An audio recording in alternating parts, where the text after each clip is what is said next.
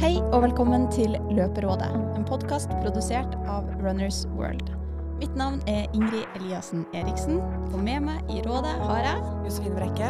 Og på telefon Live Lindeberg.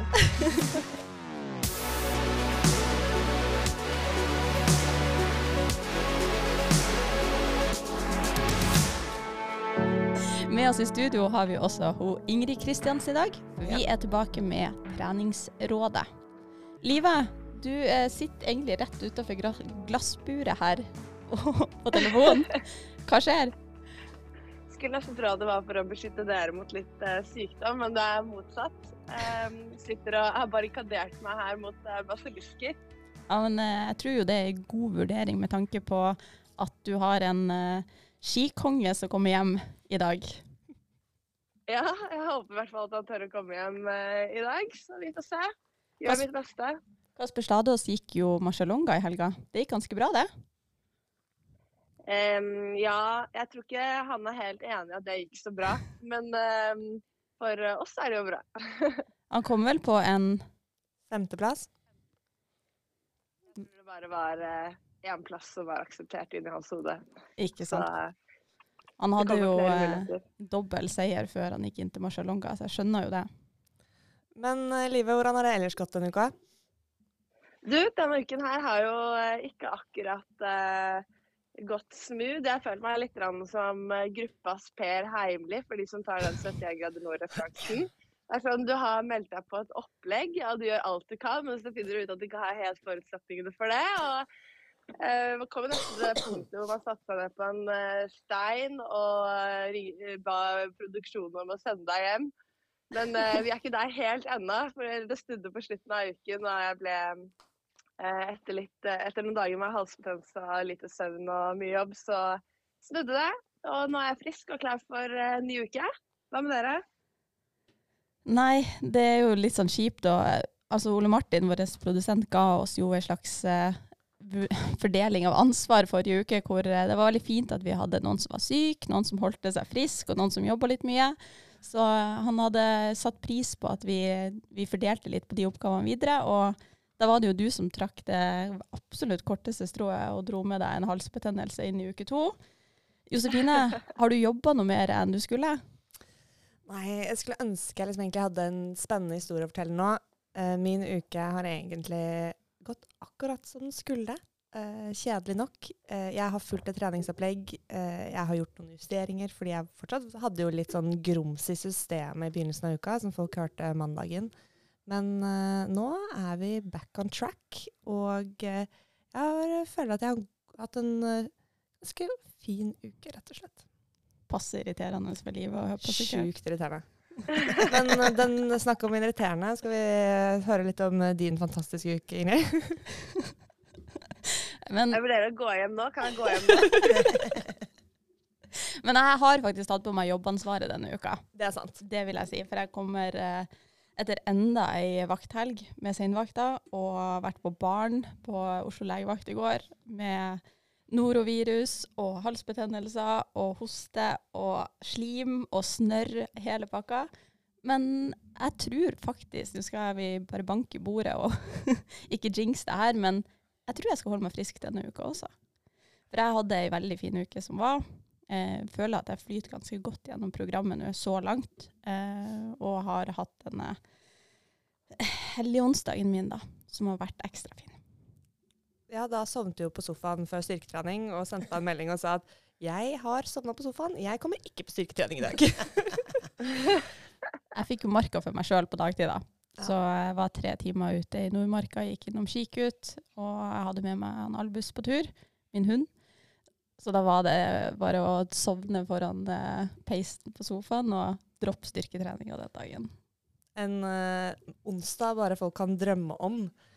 Og uh, Inger Kristiansen, har du hatt en OK uke, eller? Ja, jeg skal ikke klage. Jeg har eh, fire dager å passe med jobb og masse interessante kunder som jeg prøver å hjelpe. Og veldig mange av dem hører på denne podkasten og syns det er veldig morsomt å høre hvordan dere takler eh, treninga. Hør hvordan livet takler trening. Ja, ja. Og jeg har jo fått litt forkjølelse. Hvilken trening? Nei, men jeg har litt jeg har fått på, blitt litt forkjøla. Men jeg har vært ute stort sett hver dag og gjort et eller annet uh, fysisk. Det syns jeg hjelper. Så lenge man ikke tar i så hardt. Ja. Det er nok en fin måte å det på. Og forrige ukes episode så skapte vi jo faktisk litt debatt eh, om styrketrening. Vi fikk jo mange meninger og eh, ja, ønsker inn i kommentarfeltet. Eh, og det er utrolig gøy å se at folk engasjerer seg. Eh, jeg tror det er bare et enormt kompliment på at vi skaper en samtale som faktisk eh, folk tenker at har noe med seg å gjøre, som folk kan relatere til, men folk også kanskje blir forvirret av. Um, så vi ville egentlig bare ta en rask runde rundt, uh, rundt det temaet, litt sånn for å starte uka. Uh, fordi det er jo spesielt gøy at folk engasjerer seg. Um, og alle har jo ulikt perspektiv på styrketrening. Styrketrening er jo veldig personlig. Det, jeg hadde en veldig fin samtale med venninnen min Katti, som er fysioterapeut. Og hun sa at selvfølgelig så kommer styrketrening helt sykt an på hvordan, hvor mye du veier, hvor gammel du er, hva slags utfordringer du har. Um, og noen trenger mer styrketrening enn andre. Um, men det er jo det eneste man faktisk kan gjøre for å styrke skjelettet. Og styrke um, kroppen og beskytte skjelettet. Uh, og så er det noe med at er man skadet, så er det som regel styrketrening som funker. Det er som regel det som hjelper. Så her er det mange um, det er veldig veldig personlig, sånn som uh, mange sier. Og både tung styrketrening og lett styrketrening det kommer veldig an på hvem du er. Uh, gjør det som funker for deg, men styrketrening kan ikke skade. Det er bare positivt. Askild var jo ganske klar på det også, om at uh, han gjør ikke styrketrening. ikke i, i, stor grad, i hvert fall. Men hvis han skal gjøre det, så gjør han dette.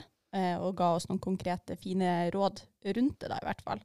men han var jo ganske klar på at det er en ting som funker, og det er jo å løpe. Hvis du skal bli en god løper, så må du løpe. Og hvis du har tid, så kan du legge til litt trening. Men hva tenker du Ingrid om det som eh, ble sagt av Askild, for du kom jo inn litt etterpå? Ja, jeg syns jo uh, interessant å høre hva han sier, men samtidig så hører jeg også det han sier, at han ikke gjør det sjøl. Og, og, og, da blir jeg jo veldig, da blir jeg litt forvirra, for når du skal liksom fronte noe, med, og så gjør, du, så gjør, du, noe annet selv, da, jeg litt, da tenker jeg jøss. Yes hva er dette? Men det andre han sa, som jeg er veldig enig med ham i, det er at du gjør variert trening. Og det syns jeg er det mest interessante her. At hvis du ikke liker styrketrening, hvorfor skal du drive med styrketrening for at andre sier at du skal gjøre det? Hvis du heller vil løpe og ikke har noen problemer. Sånn at det er å finne sin balanse. Hva er det jeg har tid til? Hvor mye har jeg tid til? Hva er målet mitt? Og hvordan kommer jeg meg dit? Og da, hvis du ikke har noen problemer og alt fungerer egentlig ganske greit, så må du gjøre det som passer deg. Venninna di kanskje hun må ha en litt styrketrening på programmet, for hun har litt svakere kropp. da. Men når du tenker på styrking av skjelettet, det er tilbake til min barndom, da vi hoppa veldig mye tau. Og vi, det var jo ikke så veldig mye benskjørhet den gangen, for vi hoppa, hoppa, hoppa, hoppa. Og da styrker man skjelettet på sin måte. Og det gjør vi jo også når vi løper, for da får vi det støtet mot underlaget. Men det er jo det at noen gjør jo for mye av det i dag. Altså, Man gjør for mye i forhold til utgangspunktet sitt. Det er vel egentlig der eh, skoen trykker, tror jeg. Gjør for mye styrketrening, så blir man skada av det. Gjør for mye løping, så blir man skada av det. For kroppen er ikke vant med det. Så det er den der gradvise tilvenning. Sakte, men sikkert opp til det nivået du ønsker. Det er vel egentlig der syns jeg i hvert fall det, eh, Min filosofi sier det at man må gjøre det gradvis. Balanse, rett og slett. Mm. Og så det var, var, vel egentlig det vi landet på. Vi oppsummerte jo ikke i forrige episode, men eh, hvis man skal oppsummere det, så er man vel enig om at man må ikke trene styrketrening. Men hvis man trener alternativt ellers, og sover og hviler godt og har lyst til å gjøre noe mer, så kan man trene styrketrening, og det kan være positivt for løpestiget ditt. Og så finnes det flere tilnærminger til eh, styrketrening. Og da kan man jo eh, prøve litt forskjellig, og velge den tilnærmingen man eh, trives med. Mm. Og selv om det ikke alltid gjør deg raskere, så er det noe som er bra for deg. Det er vel kanskje eh, sånn generelt sett en, en fin, fin, måte å tenke på det på. For de fleste. For de fleste. Men når, for å bli raske, hva, hva, mener du med å bli rask? Dere skal springe maraton. Mm. Trenger ikke være rask. Altså, Skal man springe 800 og 1500 meter, så må man ha litt punch liksom de siste 100 meterne. Men, men for å springe 10 000 meter på 30-13, som jeg har gjort, så har jeg aldri vært rask. Jeg har aldri drevet med trening for å bli rask. Så det er jo det derre å bli raskere det er et veldig sånn forvirrende eh, ord, altså. For det er veldig mange som kommer til meg som skal bli raskere. Jeg springer kanskje 10 km på 60 minutter. Klart skal ikke så mye for å bli raskere da. Da er det å løpe mer. Altså, altså det er jo, den Definisjonen med å bli raskere den er litt eh, vag, syns jeg, da. Mm. Men du har jo som hovedoppgave å gjøre oss raskere. Så nå er vi jo faktisk ferdig med de to første ukene av eh, programmet vårt. Og ganske kort oppsummert her, eller langt oppsummert, så har det jo gått veldig forskjellig for oss tre. Så eh, i en videre del av dagens episode så skal vi gå litt igjennom de to uh, ukene som har vært. Gå litt systematisk gjennom treningsprogrammet som vi har gjennomført, hvilke justeringer vi har gjort. Eh, og hvordan vi egentlig ser på den kommende B-uka som kommer. Og den trenger vi jo litt mer informasjon om. Ja, men det er greit. Jeg syns jo veldig Utgangspunktet her nå var jo at dere var ganske like. Bortsett fra at han hadde litt forskjellig arbeidsbelastning.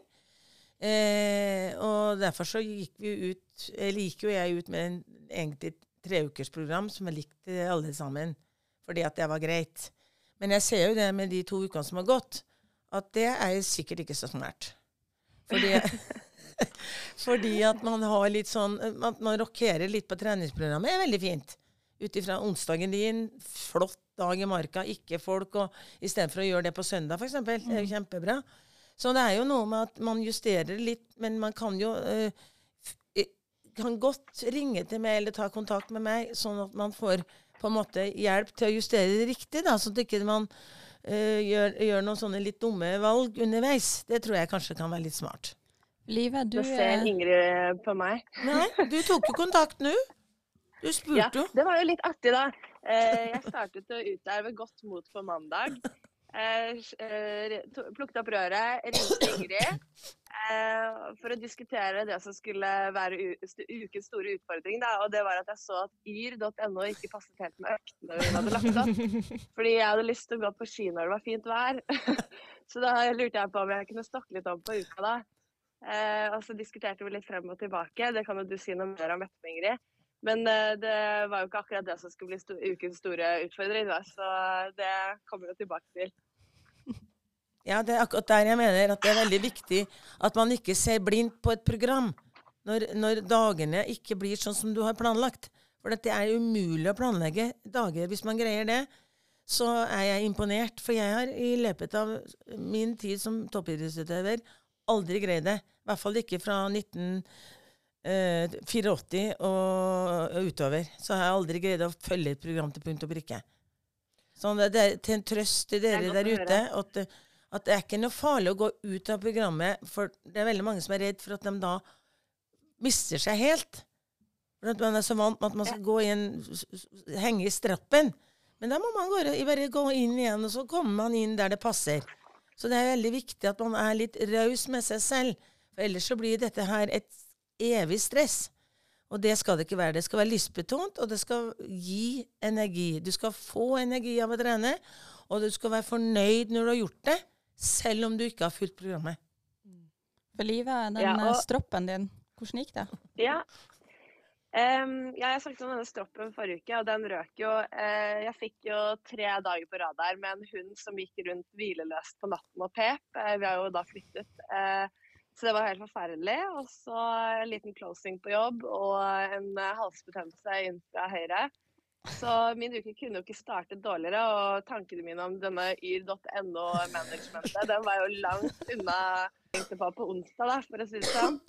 Så på onsdag kveld så resignerte jeg til eh, eh, Ingrid sin reels fra Hellig onsdag og kastet inn håndkleet. og fikk meg eh, tre dager på sofaen der. Eh, ble syk.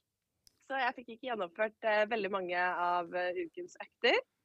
Og jeg tror derfor heller ikke det er sånn superstor vits å, å, diskutere de øktene jeg har gjort denne uken. Så jeg, jeg, tenkte heller det var to andre ting eh, som jeg kunne diskutere med deg i dag, Ingrid. Og det var eh, Nå har jo disse to ukene Jeg har jo et busy liv, men de har vært ekstraordinært busy. Og det har kommet liksom ting jeg ikke har kontroll på fra siden, som er litt sånn dette med søvn og oppussing og jobb og sykdom.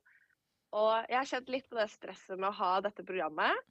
Uh, og angrer sånn i ettertid kanskje litt på at jeg ikke bare fristilte meg helt og tenkte at nå, nå får du trent det du får trent, uh, og det handler om å bare trene rolig. Mens jeg har vært litt sånn jeg skal møte opp på fellestrening, få gjennomført noen hardøkter. Men det er kanskje ikke noe vits når du ikke vet om du får sove natten etterpå. Jeg ville sagt at eh, du burde kutta ut helt å følge program når du har li det livet ditt som, som du har. Eh, og, og, bare prøve å få løpt mest mulig eh, rolige turer, eller gått noen fine skiturer hvis du har tid til det. Og gjort det litt mer Jeg vet ikke om jeg skal si på hæren, men litt mer lystbetont. For jeg tror at dette her Kanskje det er en av årsakene til at du har blitt sjuk. Det er at du har hatt det der hengende over deg, at du skal prestere på alle arenaer. Og det greier man ikke. Det greier man ikke i det hele tatt. Det greier det kanskje en uke toppen og så slår det ut i et eller annet. Og med alle de der greiene som du har nå, med hus og jobb og, og ja, hele tatt, så, så, tror jeg du har eh, La oss si den derre Kommer du inn i B-uken nå, så bør du i hvert fall gå inn i B-uka, hvis du gjør det. Og da ville jeg heller kuttet ut denne, de tre ukene her nå, og bare gjort det som passer deg den uka som kommer. Jeg sier ikke at du ikke skal trene. Du kan godt gå ut og, og hvis du føler deg pigg, så kan du ta noen liksom litt, sånn, litt fortere en liten stund. Men ikke ha noe program, for det tror jeg virker negativt på deg. Altså. Ja. ja. men det var det jeg også satt med følelsen av. At det kanskje var like greit bare å droppe programmet. Men eh, også med de konkrete justeringene i neste uke. altså skal jeg droppe programmet neste uke også? Vi kommer tilbake til hva vi skal gjøre fremover. Men det var liksom mitt andre spørsmål, og det kan vi ta etterpå. Um, og så har jeg kjent litt på utfordringen med det å være i uflyt med de andre. Det at du ikke, ikke føler på den samme boosten med å følge programmet. Da. Men det er jo egentlig bare motiverende å se at Josefine sto på perrongen forrige uke, og neste uke skal jeg fader meg hoppe på det toget, jeg også. Og så er det positivt, for nå er jeg frisk og tilbake, så jeg ser positivt på det. Ja, men det, husk på en av de tingene jeg sa når vi starta dette. Jeg syns dere var litt for like. Og Derfor så er jeg egentlig på en måte litt glad for at det har skjedd litt andre ting enn en man kanskje trodde, dere trodde på forhånd. At det opp, oppstår sånne ting som det her. Det vil det gjøre hele tiden. Så da er det veldig viktig at man henter seg inn før man går rett i grinavdelinga. Og det tror jeg du har gjort nå. Så hvis du er smart, så er du over dette her, og så er du fit for fight øh, kanskje om en ukes tid. Ja. ja, men det er bra. Ingrid, har du gjort deg noen refleksjoner fra de siste to ukene med trening? Jeg har vel tenkt det at programmet til Ingrid fungerer veldig godt for min del, så langt. Um, de tilbakemeldingene jeg har fått ifra deg rundt hvordan jeg skal legge opp øktene, er jo veldig annerledes i forhold til det jeg er vant med. Uh, og det har jo vært litt av uh, en, en bratt læringskurve de siste to ukene, i hvert fall. Fordi uh, vi oppsummerte jo litt den første uka, men den uka som har vært nå, der har jeg gjennomført tre harde økter. Eh, hvor jeg hadde en tre ganger 3000 på tirsdag. Og så hadde vi ei tempoøkt på torsdag, ni kilometer. Og så kjørte vi den lørdagen, gjorde vi litt om. Vi synda litt, bytta litt på oppsatt økt, som var fem ganger fem minutter, og gjorde den til fire ganger fire runder på Bislett. Nesten det samme. Ja. ja. Og det tenkte vi at det var ganske greit å gjøre, fordi at da kunne vi ligge i tog med flere raske jenter som løpte samtidig som oss. Riktig. Og da har jeg utfordret deg på noen ting her, selv om det ikke er min jobb. Så jeg tenker at uh, jeg, har, jeg, vil jo gjerne eh, løpe mer sammen med deg. Eh, og da pusher jeg deg til å løpe raskere enn kanskje det du er komfortabel med. Ja, det stemmer det. Hvordan opplevde du det, spesielt nå på lørdag? da, Vi kan jo fortelle litt om det som et sånn spesifikt eksempel. Eh, og det som skjedde da, var at vi skulle, vi skulle løpe fire ganger fire runder på Bislett eh, med én runde flyt mellom. Vi hadde fått beskjed fra eh, trener Ingrid at eh, her skulle vi ligge på en viss puls. Vi skulle løpe til puls. Um, og eh, det vi pleier som van, vanligvis når vi løper intervall, eh, intervaller, å tenke at vi starter på fire fart, og så jobber vi oss nedover. Det er liksom en klassiker. Mm. Og da eh, begynte du å klage litt på at det gikk litt for fort. Ganske raskt. Det, det er, jeg må ta lytterne litt tilbake her, og det handler litt om at for min del så har jeg bare løpt eh, på et såpass kontinuerlig og høyt nivå, som jeg vil kalle det det siste året.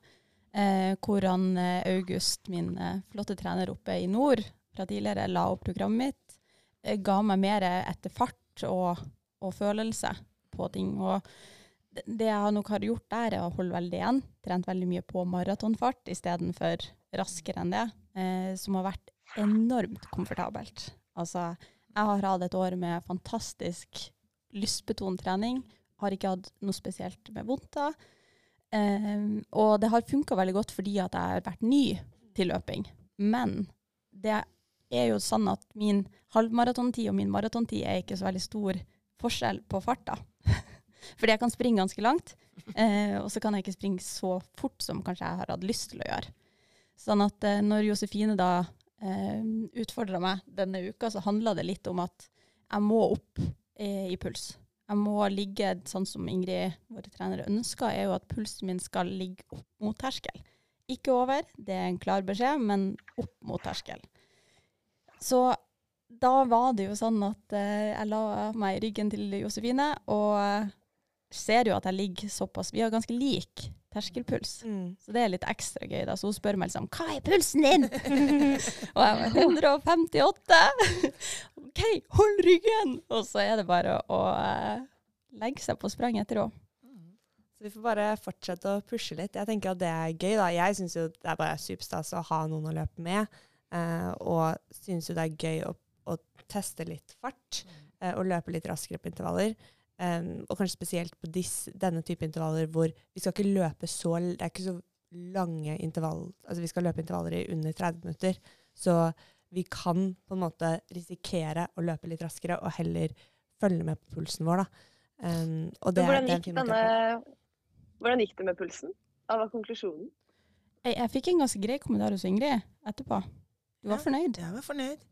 Jeg syns jo det er eh, Din utfordring er jo å, å gå litt ut av det derre Det er ikke bortkasta, det du har gjort, sånn som du har gjort det til nå. Men hvis du skal hoppe litt eh, hakket videre, så må du antageligvis pushe deg litt så lenge pulsen ikke er eh, over. Og så må du da selvfølgelig følge med på kroppen ellers, om beina tåler det. For det er jo noe med at uh, Greit, det er at uh, pulsen er riktig, men hvis det blir for, for mye for sånn litt fortere enn det du er vant med, så kan det bli for mye for beina. Mm. Så det er jo, det, det er jo det, Den kan jo ikke jeg kjenne. Det må du på en måte finne ut sjøl. Eller du må, i hvert fall hvis du kjenner noe, så må du ta det opp med en gang.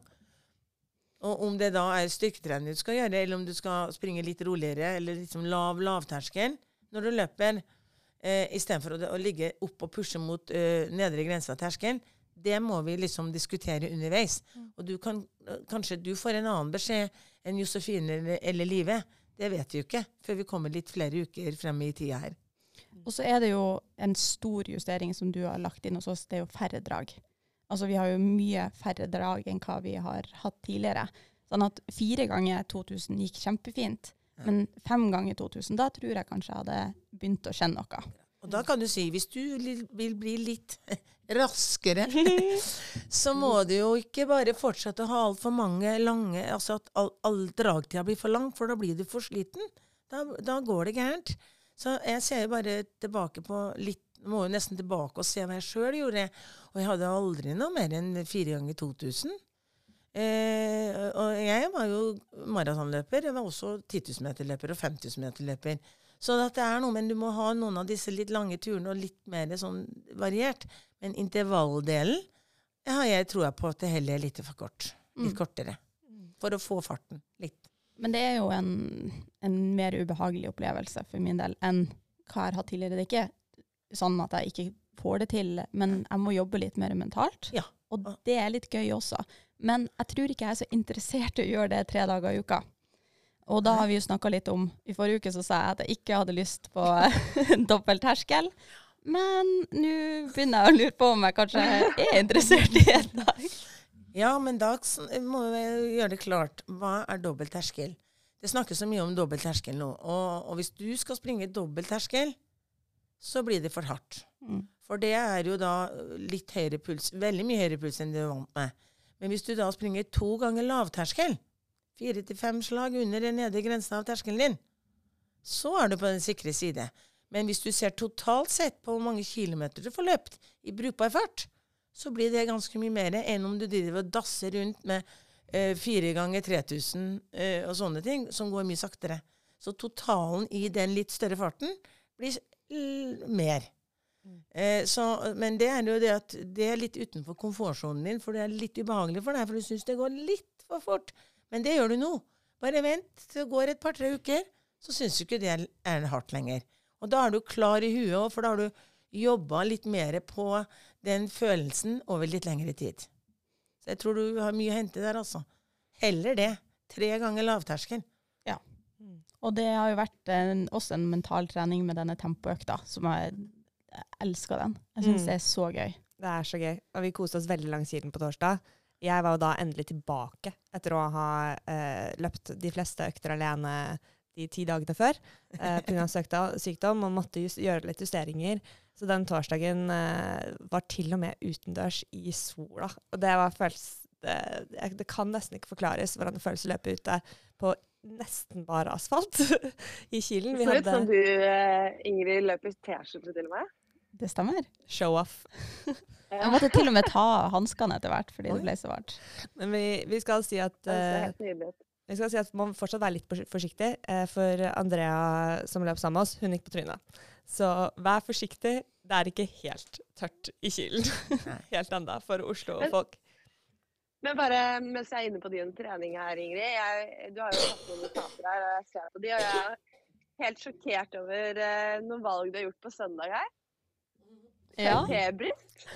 Hva skjedde på søndag?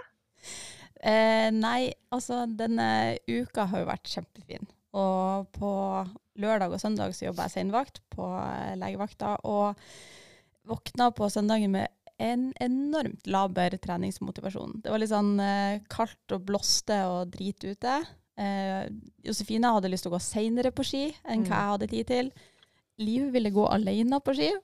Hun måtte liksom eh, bearbeide uka som hadde vært. Så hun var litt sånn, jeg trenger bare å flyte alene. Jeg Bare sånn, OK, søren. Da har jeg ingen å alliere meg med, ingen som får meg ut. Jeg driter i å trene.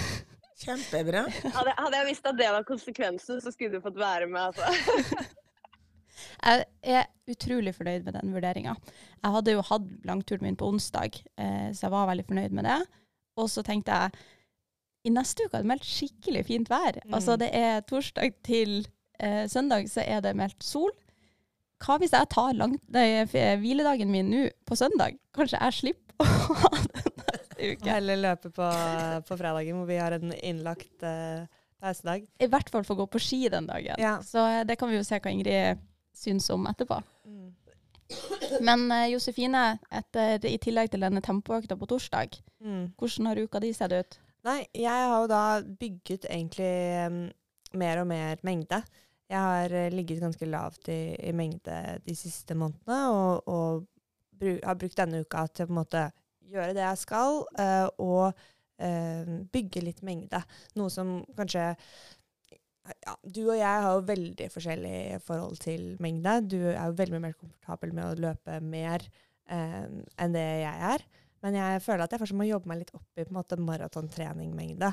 Eh, så det er det jeg har fokusert på. Det, Og så syns jeg har fått fin flyt i øktene. Vi hadde jo da superøkta både på torsdag og lørdagen. Og så gjorde jeg noen justeringer på tirsdagen hvor jeg skjønte at tre ganger 3000 meter på mølla alene, Ah. det ble rett og slett for mye.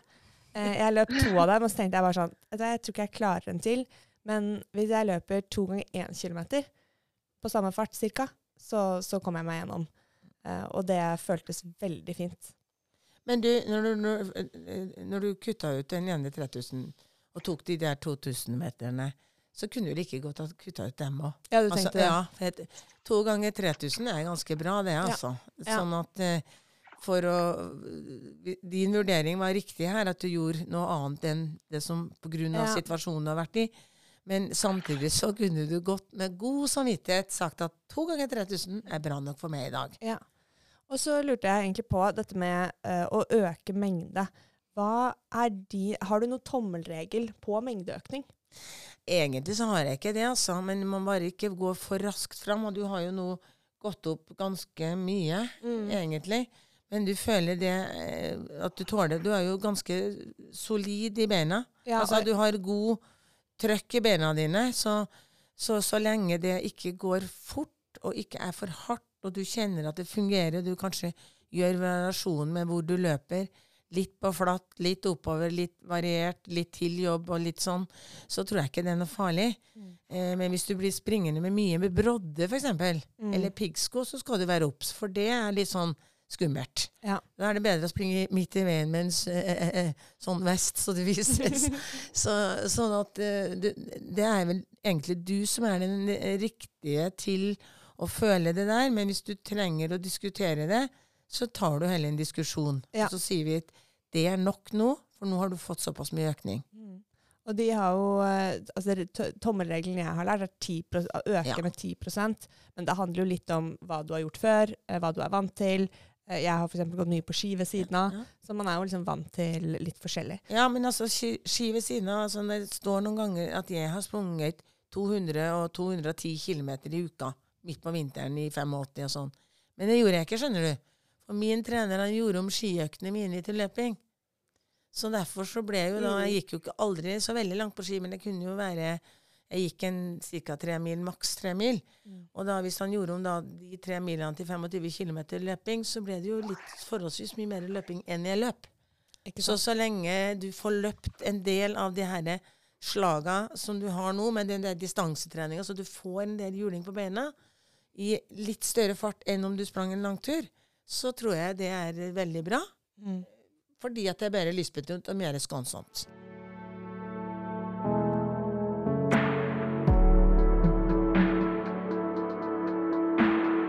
Da passer det egentlig å gå over til dagens hovedtema, som vi tenkte å snakke litt mer om. Og det er da tilvenning til løping. Ehm, og det passer jo fint nå som vi er midt på vinteren, og det er egentlig et nytt løpeår, men eh, det er masse snø ute. Eh, Hvordan er det egentlig man skal komme seg i gang? Sånn som Josefine spurte deg om, Ingrid. Hvordan skal du øke løpetreningen? Og hvordan har man kommet på det kilometerantallet, eller løpsnivået man er på nå, da. Eh, og der er vi jo litt ulike i gruppa. Ingrid, du har jo holdt et veldig jevnt stig på løpingen gjennom året. Josefine og jeg, vi har vært litt mer eh, jojo. Kanskje tatt oss en frihet og gått mer på ski i eh, desember. Eh, personlig så eh, husker jeg tilbake på en tid hvor jeg tenkte at sånn, det var umulig å løpe mer enn tre ganger i uken på asfalt. Det var sånn helt eh, Hvem er det som gjør det? Det er jo gæren. Altså, da er du gæren. Da blir du jo skada. Eh, men så begynte jeg å løpe litt eh, mer i covid-tider, og, og så skjønner man jo at det, handler jo om mengdetrening og ta det steg for steg. Og nå eh, er jeg også litt sånn som løper i sykluser, holdt jeg på å si. Noen deler av året så trener jeg ikke så mye løping, men så skal du begynne å trene mot en maratonbolk, og da må du øke mengden. Eh, så sånn som jeg har gjort det, er bare å øke litt og litt og sørge for at det ikke er for mye hver uke, men følge litt med på Strava-profilen min og se at den, kurven går jevnt oppover. Da. Eh, men eh, det hadde vært litt interessant å høre litt sånn for lytterne også sånn når du starter på ulike nivåer, når du starter kanskje nå i januar og ikke har trent så mye løping, hva er det du skal gjøre? Hva skal du tenke på? Eh, Hvilke feller skal du unngå når du skal eh, bygge deg opp mot vårens eh, store mål?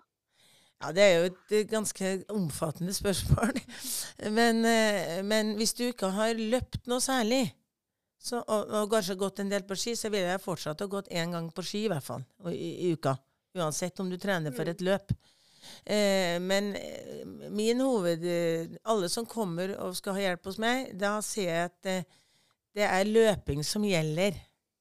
Altså, Hvis du ikke får trent eller løpt mer enn én gang i uka, så er det for lite. Altså, det er litt for lite, for du får ikke noe særlig progresjon av det. Men hvis du greier å få til to løping og en, en ekstra med, la oss si styrketrening, da, hvor du da lurer inn litt løping i oppvarminga til styrketreninga, så får du liksom Mm. eh, en ekstra eh, kvarter, 20 minutter. Det er liksom sånn du kan begynne med det. Eller eh, altså, Tenk- Ja? Ja, tenk, tenker du da eksempel, er det bedre å løpe eh, 15 km hvor du deler opp i to sånn til fra jobb, enn å løpe én eh, lang tur på 15 km? Ja, det tror jeg. Det er mye bedre. Selvfølgelig spørs det hvilken jobb du har. Jeg hadde en, senest for et par dager siden en kunde som jobba som PT-trener og, og drev inn på et studio hele dagen. Og han sa at han vet ikke om han orka å springe hjem, for at han har gitt så mye av seg selv og stått på et hardt gulv hele dagen, så han trodde ikke han greide det. Så det er jo litt med hvilken jobb. Men hvis du har en jobb hvor du sitter litt mer i ro, eller har litt sånne kontroll da, på hva du gjør, så sykepleier f.eks., som springer hele dagen, tror jeg ikke er så veldig lurt å Greit å springe til jobb, men jeg vet ikke om det er så lurt å springe hjem. For da tror jeg du har 40 000 skritt når du kommer hjem.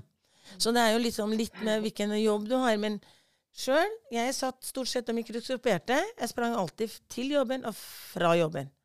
Og det var øh, de to øktene jeg fikk, og det var sånn alltid fra en halvtime til én time. Så det er liksom det er, Selv om det er en fordel hvis jobben er så nære at du kan komme deg ganske raskt til jobben, la oss si fire kilometer, da. Men hvis du har tid og har energi og beina tåler det, så tar du en omvei enten til jobben eller fra jobben. Altså det er sånne Hvis du greier å tenke litt sånn praktisk i, og, og litt sånn tidsøkonomisk i, i hverdagen, så tror jeg veldig mange kan få til mer enn de får til i dag. Ja, fordi det kjente jeg i hvert fall litt på. Det eneste positive, sånn ordentlig positive jeg kan trekke ut av de siste to ukene, er jo at jeg har begynt å løpe til og fra jobb. Og bare av det så blir det jo en del uh, mengde. Det er bare å vente og se, dere som følger med på Strava. Dette blir utrolig. Eh, og jeg ser jo, Josefine, du har jo også gjort eh, Det er det liksom eh, for å, å få tid til å få inn nok løping? Eller hva har du tenkt? Ja, det er jo for å få tid til det sosiale etter jobb. Fordi på denne kvelden, eller den forrige uke, så hadde jeg liksom flere Jeg skulle spise middag med venninner, jeg skulle bort. Jeg ville jo prioritere det. Og hvis jeg skal få det til å gå opp med at jeg også er på kontoret og rekker middag, så må jeg bare få det til enten til eller fra jobb. Men på fredag så hadde jeg en sånn overraskende Så jeg, fikk jeg en uplanlagt uh, dobbeltøkt. Fordi jeg løp ned til styrke om morgenen, gjorde styrketrening. Var da egentlig ferdig med trening for dagen. eh, drar på jobb. Kommer tilbake fra kontoret. Da er jeg på Skøyen. Det er liksom min mell mitt mellomstopp. Og da går ingen busser i hele Oslo. Ikke én buss. Og jeg tenkte OK, jeg har piggsko i sekken. Jeg har alt løpetøyet mitt. Det er kanskje litt fuktig fra morgenens eh, løpetøy. Tror at jeg bare stappet i sekken eh, før jeg dro på kontoret. Men da stakk jeg innom magnat, skiftet tilbake til løpetøy og løp hjem. For det tenkte jeg da det, det var ikke fordi jeg trengte løpeøkta, det var fordi det var den raskeste måten å komme seg hjem på. Så det handler ikke alltid om å bare komme seg et sted og få det gjort. Da handlet det rent om at jeg ikke gadd å stå og vente på bussen var, hvor alle var innstilt. Og VG eh, gjorde det veldig klart at uh, i Oslo går det ingen busser frem til klokken syv.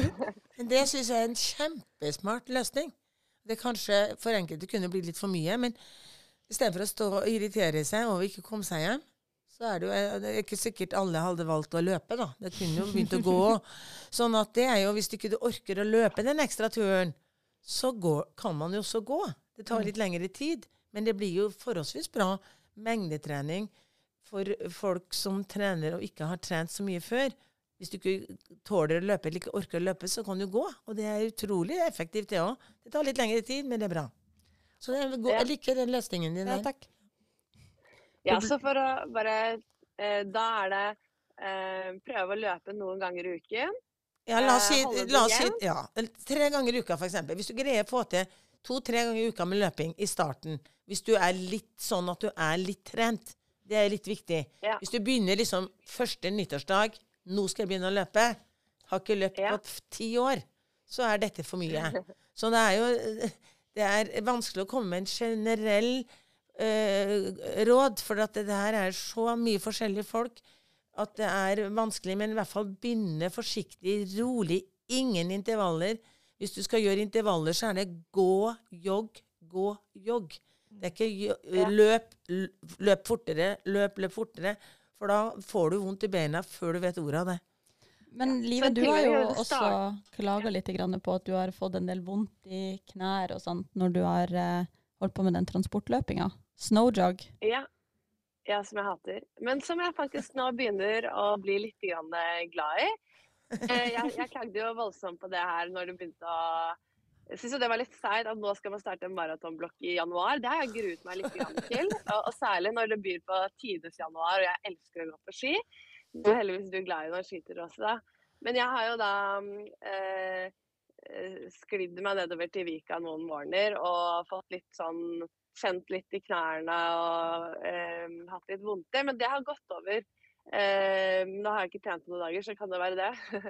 Men jeg tror at det, det er bare en tilvenningssak.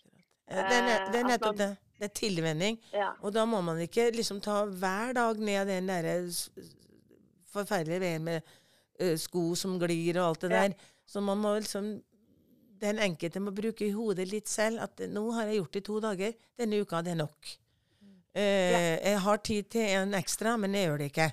Men kanskje om to uker så kan du gjøre det, for det er litt barere på veien. Og da har du sprunget litt mer, da tåler du litt mer. Så det her er jo en trapp som man må gå, og den, for dere tre så er den trappa litt forskjellig. Og dere må takle det på forskjellige måter.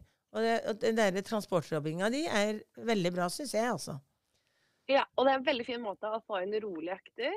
Eh, og du kan dele opp lengre økter. Altså, å ha to kortere økter er mindre belastende enn å ha én lang. Eh, du rekker å restituere litt grann imellom.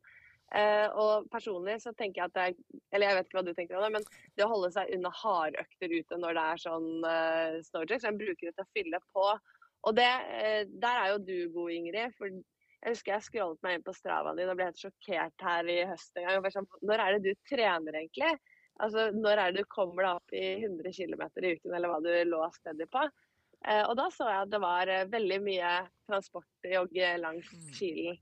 Men hvordan er det du har kommet deg opp på et så høyt nivå eh, på kilometerne? Mm, jeg tror det har mye med, som Ingrid sier, dette med transportjoggen og det å legge inn rolige, kortere økter. At de har ligget rundt 40-50 minutter, og begynte kanskje med ei økt om dagen, og tok bussen hjem. Eh, en periode på sommeren så tok jeg og sykla til, og så løpte jeg hjem, og så løpte jeg til, og så sykla jeg hjem. Sånn at man kunne liksom bytte ganske greit på det.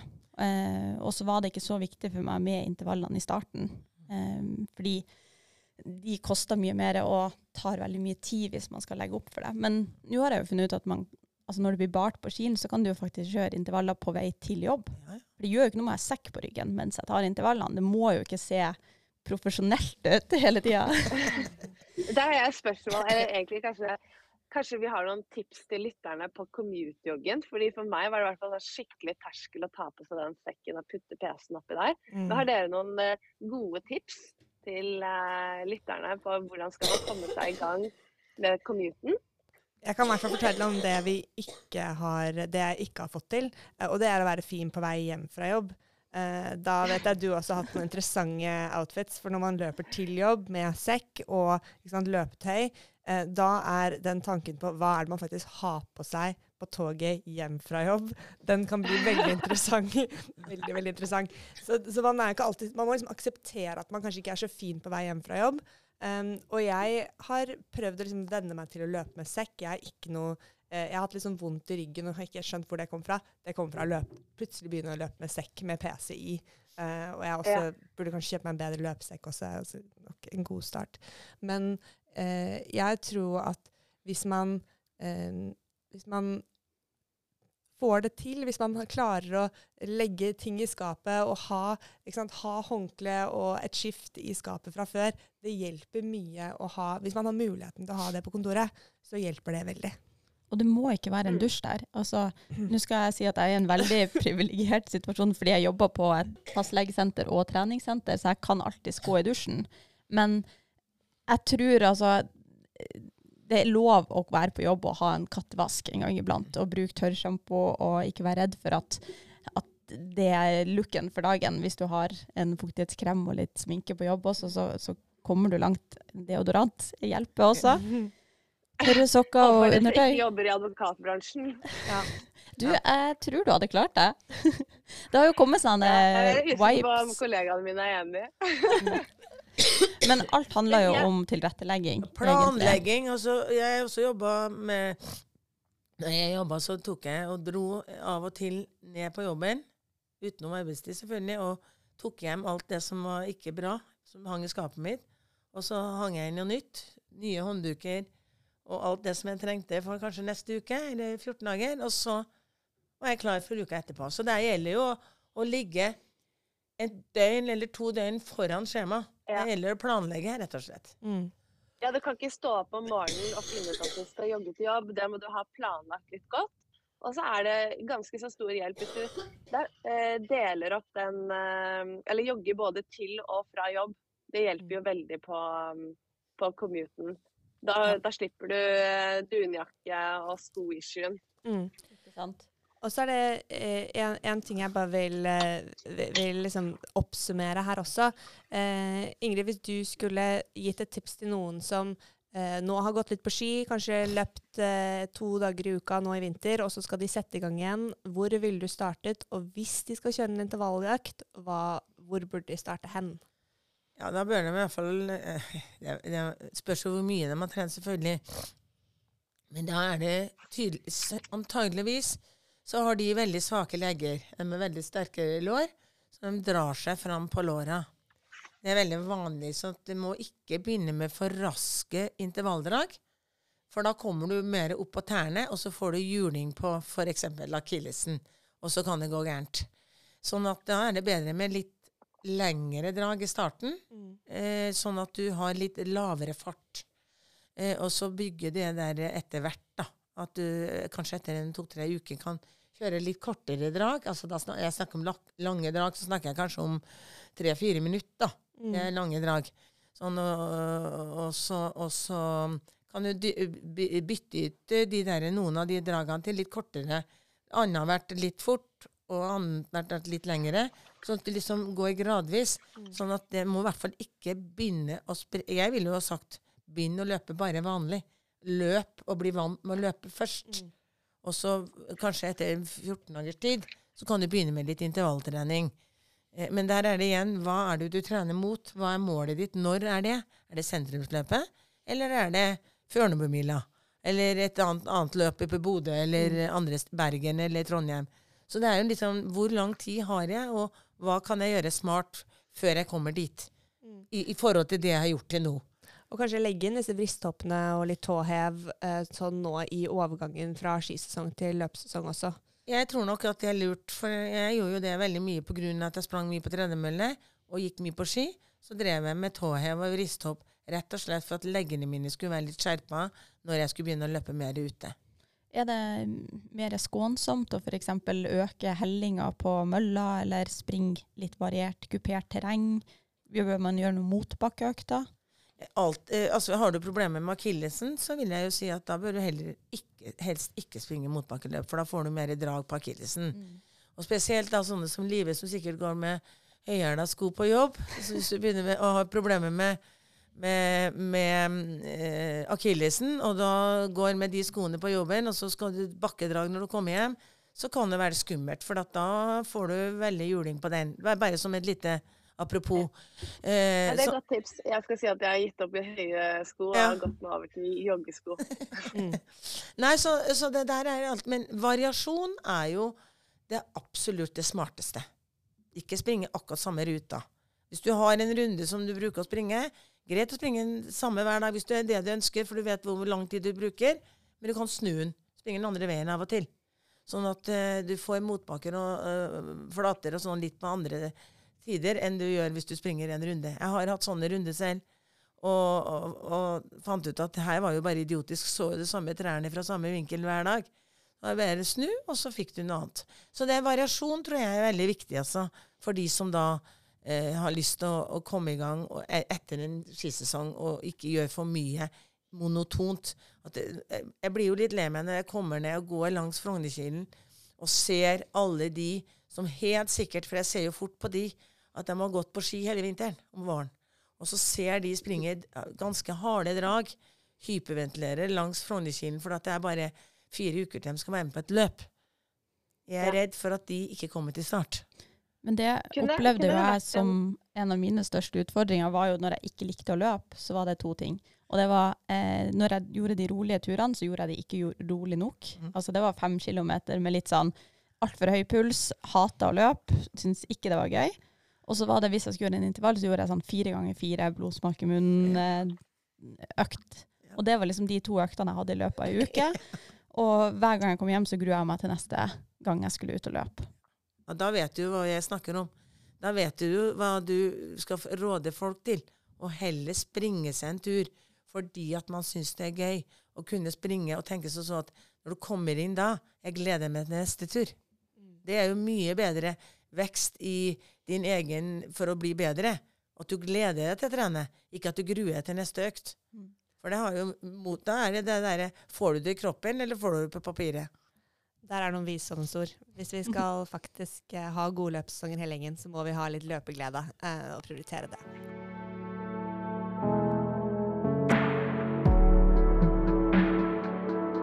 Men det er jo fint, da, for vi har jo noen spørsmål fra lytterne hvor eh, det er noen som har litt lyst til å øke litt i mengden sjøl.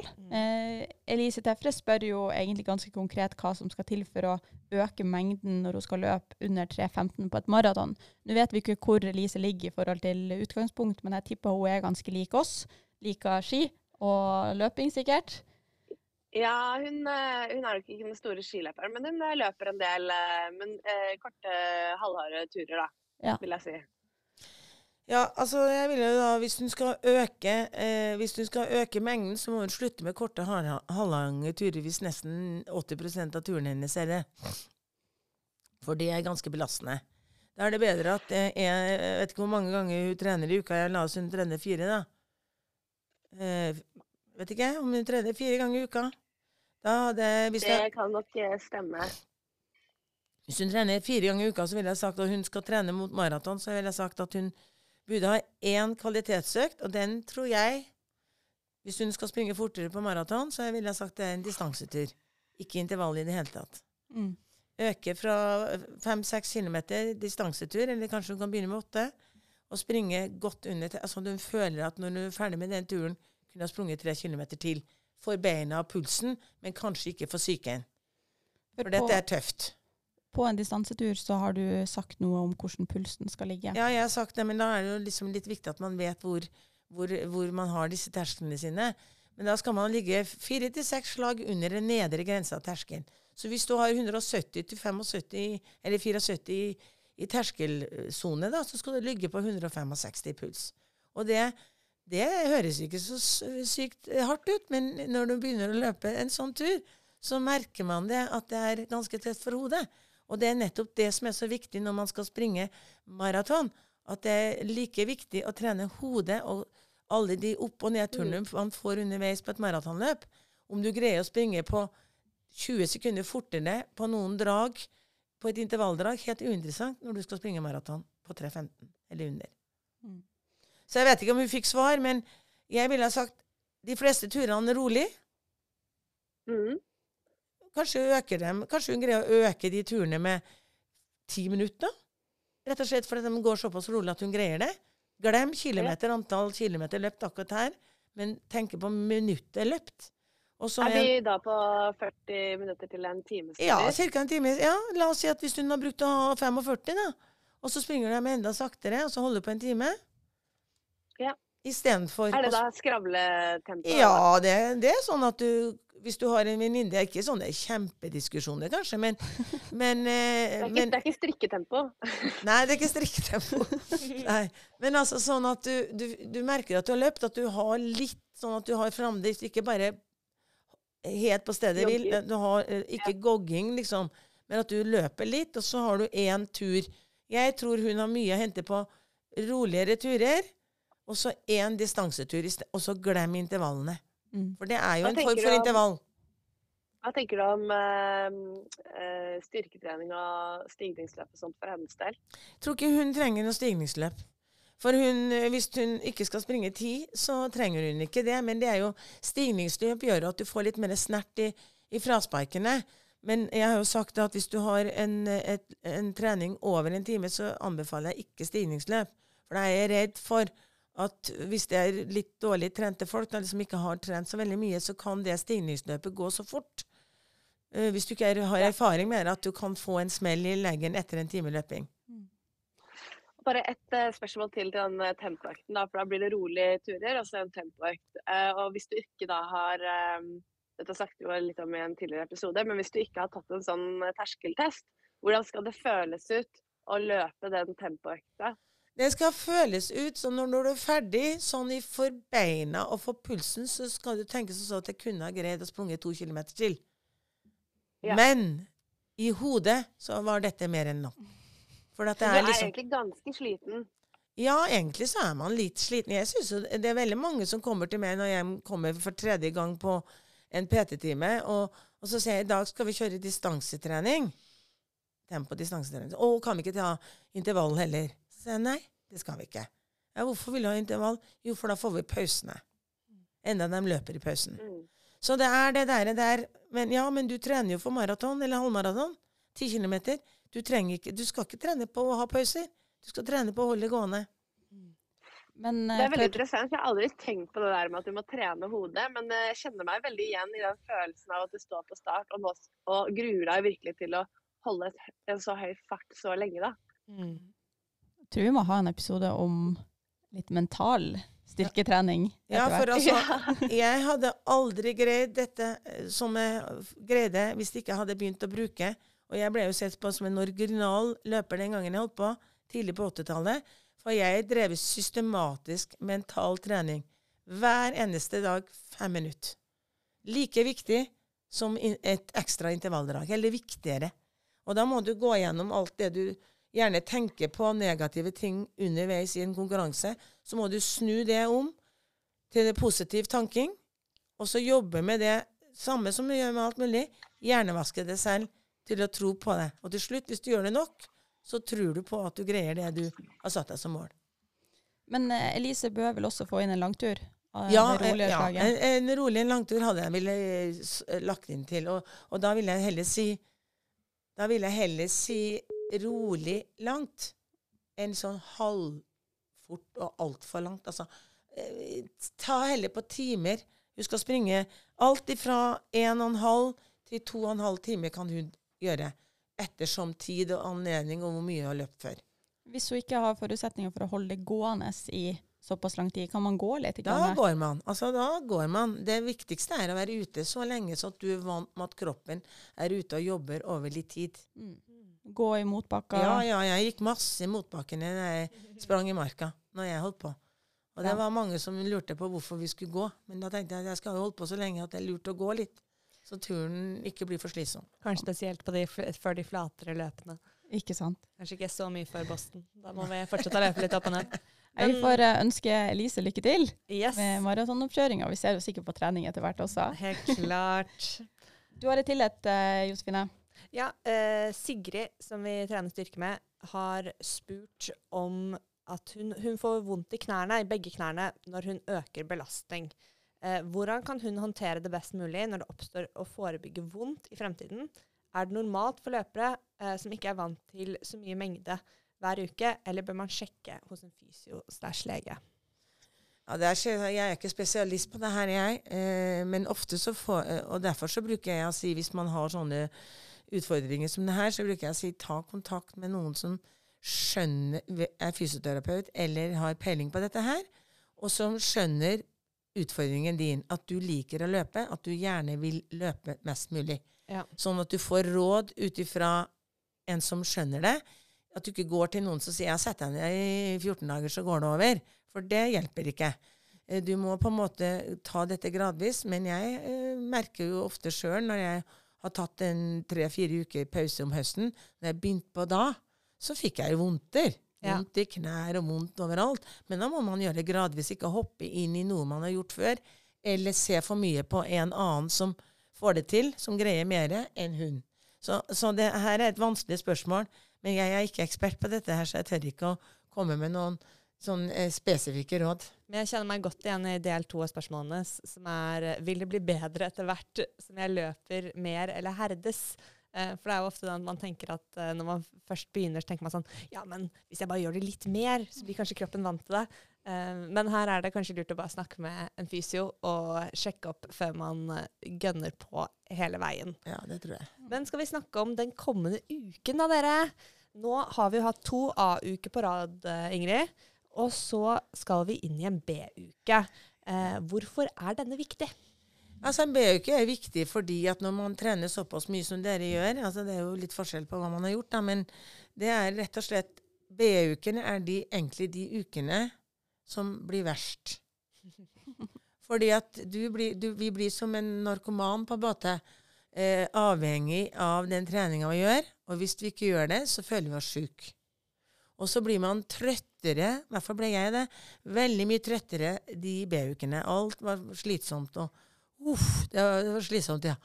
Men da, det jeg da etter hvert, når jeg hadde gjort dette noen uker, så ble jeg bare kjempegira igjen neste A-uke. For man får jo nok trening. Hvis du tar tre måneder fram i tid, så blir det nok trening, men at man da får kroppen litt ned, så du får fordøya det du har gjort, for så å gå opp igjen. Så det er liksom vitsen med dette her, da. Men jeg får jo veldig mange spørsmål med folk jeg hjelper, at eh, ja, det står hviledag på programmet mitt eh, på onsdag. Hva betyr det? Ja, det betyr at du skal hvile. Ja, kan jeg ta styrketrening? Nei, egentlig så kan du ikke gjøre noen ting. Du kan finne på noe annet. Gå på kino eller gjøre noe annet. Det er liksom litt av vitsen at du skal ha fokus på noe annet enn trening, selv om det er viktig for deg. For da har du liksom fått fri fra den derre eh, hva si, tredemølla som, som, går hele tiden for å følge alt som du har som skjemaer med spising, drikking, soving, jobb, trening. Sånn at det er liksom litt for at du skal senke skuldrene. Og, og, og hva man gjør, det er jo den enkelte som finner ut. Men ikke liksom legge inn en ekstra styrkeøkt, for jeg må jo trene den dagen. For det er, litt, det er ikke meninga, altså. Det er eh, interessant, også fordi at jeg har en styrketrening eh, scheduled på vår hviledag, så da skal jeg bare ordne opp i den. Starte der. Nei, men du kan jo snu på det. Ja. Altså, eh, du kan jo bare flytte Hvis du vil ha hviledag på en annen dag, Mm. så gjør du det. Da flytter jeg den. Da flytter du den Mm. hvis du har et opplegg som sier at du skal ha styrketrening den dagen. Ikke noe for, Da tar du bare den hviledagen og flytter den til en annen dag, og så tar du eh, Så sant det ikke blir to litt for tette, harde økter, da. Ja. Mm. Er det sånn at den eh, B-uka man bør justere sånn at man tar vekk kanskje en, en intervall, eller? Altså Vanligvis har jeg brukt å si at uh, det er ikke Gjerne eh, kanskje intervallene kan det gjøre, uh, men at det er kanskje litt færre. At istedenfor fire ganger 2000, så tar man tre. Mm. Eller istedenfor åtte ganger 1000, så tar man syv eller seks. Så at man kan få lov til å være oppi den derre litt det derre kjøret, intervallkjøret, da, når dere som er der, der, som der, der, der dere har kommet nå. Men at er liksom alt er litt kortere ellers. Og så én hviledag, så blir det jo fort ganske mange kilometer. Istedenfor å springe en time, så kan man kanskje si 45 minutter på noen av de timesturene. Bare for å få litt mindre mengde og litt mindre eh, intensitet, men like mange økter. Det har jeg brukt, da. Mm. For meg som nå eh, jobber med å øke mengden litt, eh, burde jeg nå holde meg på likt som forrige uke, eller kan jeg fortsette å øke sakte mengde? Nei, den B-uka skal du ikke øke noe mengde. Nei, okay. Nei. Det var tydelig og fint. Jeg tok jo eh, denne sjokkerende hviledagen på søndag. ja. Ehm, og det satt jo langt inne. Jeg leita etter en venn og, som kunne dra meg med ut på tur. Og eh, var litt sånn Nå har jeg jobba seinvakt dagen før, jeg skal på jobb. Hva kan jeg gjøre i dag for å liksom effektivisere disse timene før jeg skal på jobb klokka halv fire? Og det, var, det satt veldig langt inne for meg å ligge på sofaen og drikke kaffe og lese bok. Men det var det jeg endte opp med å gjøre, og det var utrolig deilig. Eh, ser jo at veldig mye av min timeplan går på liksom å, å pakke inn ting. Eh, Jeg har en sånn Google Calendar, og den er liksom bare full av farger. Og liksom, der kan jeg dytte inn styrketreninga. Der kan jeg dytte inn løpeturen liksom hjem fra jobb. Og er veldig sånn systematisk oppsatt, da, som gjør at jeg har veldig fine ettermiddager fordi at det er såpass tight schedule og planlagt, og det fungerer veldig fint for min del. Men jeg satte meg da ned i går, og så putta jeg alt inn i kalenderen min, og så tenker jeg nå føler jeg meg kjempefin. Jeg har fine bein, jeg hadde en hviledag på søndag. Kan jeg droppe det denne uka? Jeg er litt usikker. Er egentlig litt usikker, men du var jo veldig flink og tok den hviledagen når du egentlig ikke hadde planlagt å ta den. Mm. Så du kan jo på en måte, hvis du ikke vil ta den hviledagen, da Men ta alle de andre turene litt kortere, kan du gjøre. Så kan du jo liksom på en måte forskyve, sånn at det blir en A-B-uke forrige uke, og en A-B-uke denne uka. Mm. Sånn at du eh, tar med deg søndagen på en måte inn i den nye uka. Så du starta med en hviledag. Mm. Det er jo en måte å gjøre det på. Altså en måte å tenke på, da. Og så vil jeg være veldig åpen for en justering mot slutten av uka hvis jeg kjenner at oi, det ble faktisk er mer enn eh, sånn. Kanskje du havner med en hviledag på neste søndag. Kan være. Men det er meldt så fint vær at jeg var litt sånn Hvis jeg bare Ja, kanskje jeg tar en litt roligere skitur eh, og faktisk drar på den styrketreninga på fredagen, så Men jeg håper dere skjønner at et program er en rettesnor, og ikke en tvangstrøye. Sånn at dere skjønner at det er rom for forandringer, og så at man da eh, er veldig, eh, veldig mange får stjerne i boka når, når de greier å ta en hviledag når den ikke er planlagt. Men hvis det blir veldig mange eh, hviledager som ikke er planlagt, så er det, spør jeg ofte eh, Da må du kanskje revurdere målet ditt. Eller du øh, er kanskje sjuk, eller jeg etterlyser folk da når jeg ikke ser dem på Garmin. At jøss, hva som har skjedd? Og så da Oi, så fint du følger med. Du skjønner, jeg hadde noen barn som skulle på ditten og datten, og så var det så glatt, og så var kona mi ikke hjemme. Og, og så, sånn at Å, det er fint at du følger med. Sånn at det er det derre jeg, jeg setter pris på at folk tenker litt selv og justerer litt. Men hvis det er veldig lurt å, å ta det opp på en appen, eller, også, eller ringe, eller sende meg en SMS og spørre hva du syns du. For da kan man diskutere, for det er jo ikke noe svart-hvitt her. mm. Så ukas nøkkeløkt, den kjører vi tirsdag. Denne uka er det syv ganger 1000 meter. Ja, syv ganger 1000 meter er i hvert fall mer enn nok. Sikkert. Ja, oss som tar tolv ganger ja, tusen, ja, så er det jo ja, men det er jo, nå er vi i B-uke. Sant? Mm. Eh, og sånn at, eh, men dere kan eh, Husk på, eh, i pausene så syns jo jeg enten jogger man, eller så flyter man. Eh, hvis man vil ha minst mulig forskjell på puls og, og sånn, da, og fart, så er det jo å flyte litt sånn lett. Ikke liksom bare nesten sånn man står stille på jogginga, men at man har litt driv når man jogger også. På det nivået dere er, og, og det målet dere har, så er ikke det så dumt. Da er det, heller det nesten litt mer mot en distanseøkt, med litt variasjon. Så det er en Jeg vet ikke om dere vil prøve det, men, men det syv er Jeg skjønner ikke hvorfor man skal springe tolv, altså. Josefine uttrykte jo litt sånn frustrasjon over at pulsen ikke var høy nok i starten av økta. Mm. Um, at det tok i hvert fall tre-fire drag før Eller nå gjorde vi lengre økta, men det ville jo tatt deg 3000-4000 meter før pulsen er oppe mot terskel. Eller Ja, men da er det, altså- må du ikke jogge så sakte i pausen. Nei, ikke sant. Og så tror jeg, jeg Jeg har funnet ut at eh, eh, gjennom litt eh, testing at hvis jeg faktisk er god til å gjøre disse stigningsløpene, så hjelper det veldig med å måtte dytte pulsen litt i gang. da. Um, så, så det har jeg begynt med. Og kanskje tørre å starte på et litt høyere tempo enn Ja. ja. Igjen, det er veldig lett å på en måte velge det komfortable og tenke at vi starter på fire pace, men Ja, eh, men det er kanskje lurt å bare Igjen så er det mye bedre å starte på fire pace og få progresjon, mm. for da føler du at du har vunnet treninga. Men hvis du begynner på 3,50 og havner på 4,05, hvis du tenker fart, mm. for å holde det riktig i forhold til pulsen din, så har du tapt treninga. Så det er jo noe med psyken her enn å øve seg på å være fornøyd med det man har gjort. Og det er lettere å være fornøyd med det man har gjort, når man føler man har hatt kontrollen. Vi bare vil så gjerne finne den mestringsfølelsen, så det er det som må være målet. Men det ser jo flott ut på Strava eller Garmin når man har en sånn økende eh, fartskurve eller økende pulskurve med litt sånn At det ikke kommer en sånn dypp der. Da, da ser du at du har liksom drept deg ut, og det er flaut. Det helt Ja, jeg, jeg må jo si at når jeg, de som jeg jobber med, og jeg er jo på Garmin, da, og ser jo når ja, Vi jogger i pausen, og så ser jeg at den, den, den blå streken går rett i bånn. Det er klart, da har de gått, eller stått.